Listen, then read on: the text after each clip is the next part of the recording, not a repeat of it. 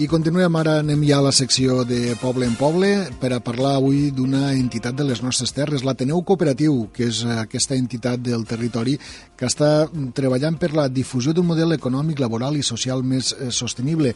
És una altra manera d'afrontar qüestions bàsiques en el nostre dia a dia i que avui coneixerem amb més detall en l'entrevista que té preparada Eduard Carbona. Eduard, quan vulguis.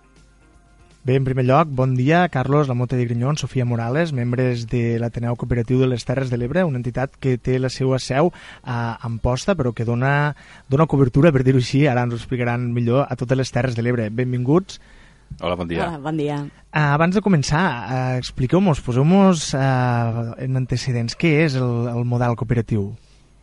El model cooperatiu, bueno, dins l'economia social, que també en parlarem després, és aquell model més pensat en satisfer una necessitat a les persones en respecte amb l'entorn que més enllà de ser una empresa capitalista que només busca el benefici. És a dir, és un altre model d'empresa.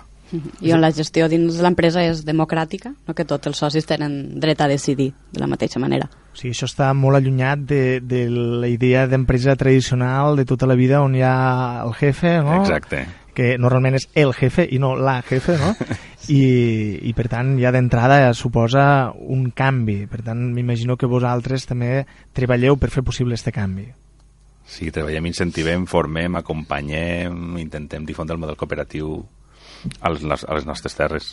I des de quan? Des de quan existeix l'Ateneu Cooperatiu de les Terres de l'Ebre? És el tercer any que funciona l'Ateneu Cooperatiu.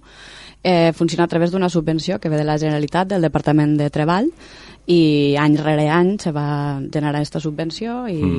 i és una subvenció i dins de l'Ateneu són diferents empreses agrupades perquè l'Ateneu en si no té una forma jurídica sinó que el formen dos ajuntaments, Amposta i Ulldecona, Fundació Astres, Fundació Gentis i després Fundació diferents, i Fundació Ulldecona i diferents cooperatives I, que és ALC Assessors, eh, Surt de, casa, casa Cresol, Cresol i EPI. I EPI.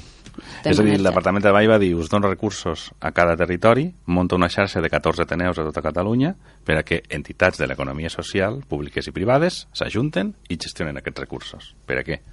Per a crear cooperatives, difondre l'economia social a cada territori. Esteu parlant d'economia de, social, eh? Quan sí. parlem d'economia social, abans comentàvem, abans d'entrar, de diferències de, i, i petits matisos, no? Però en què es basa? Quins són els pilars de l'economia social?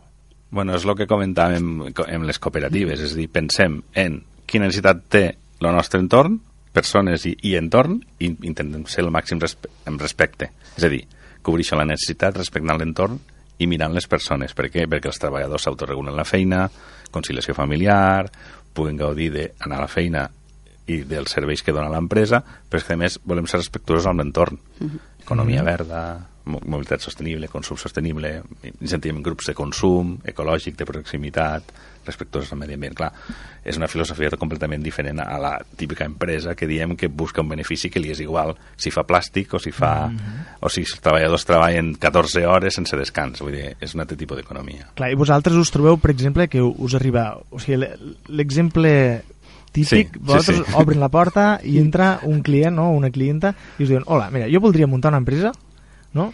Uh, com, com ho podria fer perquè l'empresa sigui sostenible, sigui una sí, mica bueno, social... Sí, clar. Sí, els expliquem no, diferents eh, aspectes no, de l'empresa que es poden tenir a compte des de, per exemple, el finançament, no, que és una de les coses molt importants a l'hora de començar un projecte. Eh, els expliquem que hi ha, que hi ha una banca ètica, no, on allí també els poden pues, proporcionar diners per fer la inversió inicial, com és, per exemple, COP57, mm -hmm. que és una cooperativa de serveis que que et deixa diners, o simplement la banca del, de la gestió diària, vale? que també hi ha bancs que són ètics, perquè volem no, pues, sortir de, de l'economia que tots coneixem des de mm. tots els àmbits o que més pues, el transport hi ha una cooperativa que és eh, Som Mobilitat que si et fa soci hi ha un cotxe que és elèctric evidentment i, cada, i tot com a soci tu el pots utilitzar i pagues per les hores que l'utilitzes això, això és molt interessant, perquè quan parlem de bancs, de bancs ètics, la banca ètica, que moltes vegades sona per la tele, sona a diferents programes, no sabem exactament què és, eh, per explicar-ho fàcilment, és un banc que quan ell te deixa uns diners al banc i tu has de pagar els interessos, que és on ells trauen el benefici, i aquests beneficis que trau la banca no s'inverteixen en coses dolentes, per dir-ho així, no? No van, sí. no van a la sí. fabricació d'armes, no van a l'explotació de recursos naturals sobreexplotats, mm -hmm. no? Sí, sí, sí, és així. Sí, és, és així. Això és important, perquè als autònoms, als emprenedors que venen a l'Ateneu, els intentem explicar les diferències entre el model cooperatiu i el model de capitalista i totes aquestes alternatives que tenim per dir, bueno, si tu per filosofia ja vols estar dintre d'aquest món, tens una alternativa molt clara i des d'Ateneu t'acompanyarem a fer el teu pla d'empresa, a fer el teu acompanyament mm -hmm. per a que la puguis arribar creant, com se gestiona, quin costos té, tenen un assessorament gratuït a la seva disponibilitat. I, de, i que, va, que abasta, com dieu, molts camps, aquest assessorament, aquest acompanyament que feu vosaltres.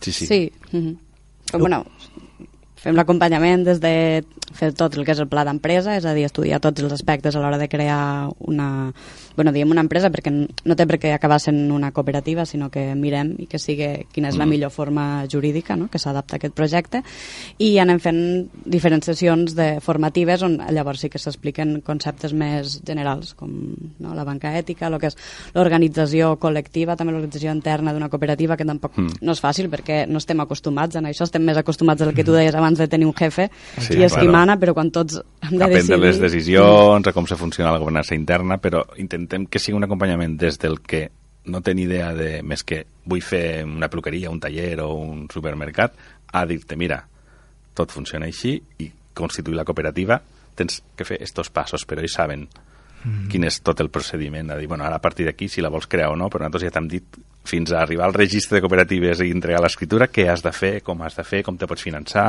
quins costos té, quins tràmits has de fer fiscals, comptables, ho tenen tot. Ah, això està molt bé perquè abans aquí s'estilava molt les cooperatives de consum, per exemple, i molta gent potser pensava que era l'únic model de cooperativa, no? o com a molt pot ser un altre, dos tipus de cooperativa, però en realitat tu pots fer una cooperativa de qualsevol cosa. Qualsevol tipus de sector. És que és una fórmula empresarial com qualsevol altra i a pesa, ara en dos persones ja pots crear una cooperativa, cosa que mm -hmm. moltes vegades penses, ai, en dos ja la puc crear? Sí, no necessites 20 socis o 200 socis també lluitem contra la mala imatge que ens han donat les cooperatives agràries que estem lluitant contra aquest model que, clar, ha sigut en tanta mala premsa per les seccions de crèdit. Clar, les seccions de crèdit. És una cooperativa, uf, de fet, una de les línies de l'Ateneu veritat és treballar en gestories i assessories perquè incentiven el model cooperatiu, perquè moltes ja d'entrada no en volen ni sentir a parlar com a model de, de, de gestió comptable no tenim clients cooperatives. Clar, això és degut als últims incidents que ha, que ha passat en les cooperatives, tot i que les seccions de crèdit de les cooperatives agràries, tot i que durant molts anys ha sigut un model que ha funcionat molt bé. I tant. I que ha permès a, moltes, a molts petits empresaris, sobretot, tirar endavant. Ja que a molts, a molts llocs, a molts pobles dona feina a, a quasi tot el poble, tot el vull poble. dir, a tota, sí. Vosaltres feu moltes activitats. Últimament, quines activitats heu dut a terme? Pues, jo m'he fet aquí una miqueta de resum del, del que han fet potser els últims dos, dos mesos i a grans tres, perquè l'Ateneu no para. L'Ateneu estem en grups de treball, reunions de xarxa d'Ateneus, assessoraments puntuals, però bueno, sí que enguany vam estar a Expo Ebre, que uh -huh. és la mhm. primera vegada vam fer una jornada d'economia social dins de, i cooperativisme Expo Ebre, que no s'havia fet mai. Sí que és cert que encara no té el ressò que ha de tindre, però ja han posat la poteta dins del, de l'estat d'emprenedoria de, de l'Ajuntament a l'economia social i esperem que això tingui continuïtat. També vam fer la Fira Àgora, la Fira Àgora, que és la Fira Ulldecona que organitza purament l'Ateneu, que és tota una jornada d'economia social i cooperativisme, mm -hmm. amb estants, expositors, xerrades, activitats per a, per a tots els públics i que ja la ja tenim consolidada i a part, bueno, ens apuntem a, a, totes, a totes les activitats que puguem fer altres entitats al territori que tinguin que veure l'economia social, l'Ateneu, perdó, s'hi suma i li dona recolzament. Omnicanalitat. Vam fer una jornada d'omnicanalitat amb la Federació de Cooperatives de, de Treball. Què és l'omnicanalitat? Gestionar la teva publicitat online o offline, en format tradicional o, o online, analitzar-la i veure quina és la que et va millor. No tothom ha de tindre un Twitter. Si a mi no em fa falta Twitter perquè sigui el mm -hmm. que s'ha de tindre, pues analitzar quina és la que millor te va a tu com a consumidor i com a emprenedor. Pues, bueno, va ser molt interessant i hem fet recentment la del blockchain. Això us volia sí, preguntar. És la més estranya que, sí, sí, és que trobat. Tots aquests conceptes que sonen són, són, molt, sí. són molt nous, no? Uh, multicanalitat, blockchain. Explica'm-nos què és això, el blockchain. El blockchain és una mica complicat. Jo no sé el que és el blockchain. Ah. Vaig anar el divendres a la, a la xerrada per saber el que era. Per saber el que era. I realment és complicat. Era una primera xerrada molt aproximativa del que és. Ve a ser, mos va dir el noi, com els principis d'internet. És una manera de fer una base de dades en, col·laborativa i molt confiable entre molts d'usuaris que tenen uns ordenadors que validen informació per a, de, per a que això surti de les dels estats, mm. tant, tantes profe, mm, professionals, la banca, les universitats... Els intermediaris, que, en definitiva. Sí, i que nosaltres mateixos tinguéssim un model de confiança on estiguin les nostres dades financeres, personals, de consum, però ja estan validades, i validades com estan ningú les pot tocar.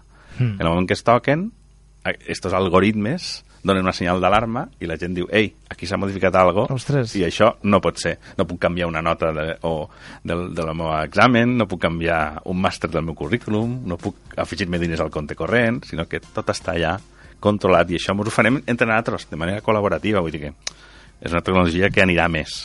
Això és complicat. És, és molt interessant. Avui, malauradament, tenim el temps just per seguir aprofundint amb el tema, però des, per descomptat que això ha estat un, un tastet que ampliarem uh, les pròximes setmanes, segurament. Uh, Sofia, volies dir alguna cosa? No, no, no, ja està. uh, Carlos Amota i Grinyon, Sofia Morales, moltes gràcies per haver vingut a fer-nos un tastet, ja veieu, mínim per a que seguirem ampliant els pròxims, les pròximes setmanes i tothom que vulgui acostar-se a l'Ateneu Cooperatiu en posta tenen les portes obertes per ser assessorats i acompanyats en la creació i el desenvolupament sí, de la seva empresa. Qualsevol idea és benvinguda. I tant. Gràcies per convidar-nos. Moltes gràcies i fins gràcies. la propera. Bé, i amb aquesta entrevista que hem fet avui amb els eh, representants de l'Ateneu Cooperatiu, una nova forma de, de, això, de fer economia, d'emprendre, de, de, en definitiva, més eh, sostenible i un model alternatiu que eh, esperem que de mica en mica es pose al nostre territori, es pose eh, en, en marxa i com més millor, no? perquè d'alguna manera també és una altra, com dèiem, una altra manera de, de fer les coses que, bé, la veritat és que tal com està tot, mm, crec que és, és molt interessant. Amb aquesta entrevista hem arribat al final del programa del dia d'avui. Recorden que els tornarem a acompanyar demà a partir de la 1 i 5, si així ho volen, aquí al programa El Dia Terres de l'Ebre. Acabem de passar molt bona jornada, siguin feliços i fins demà.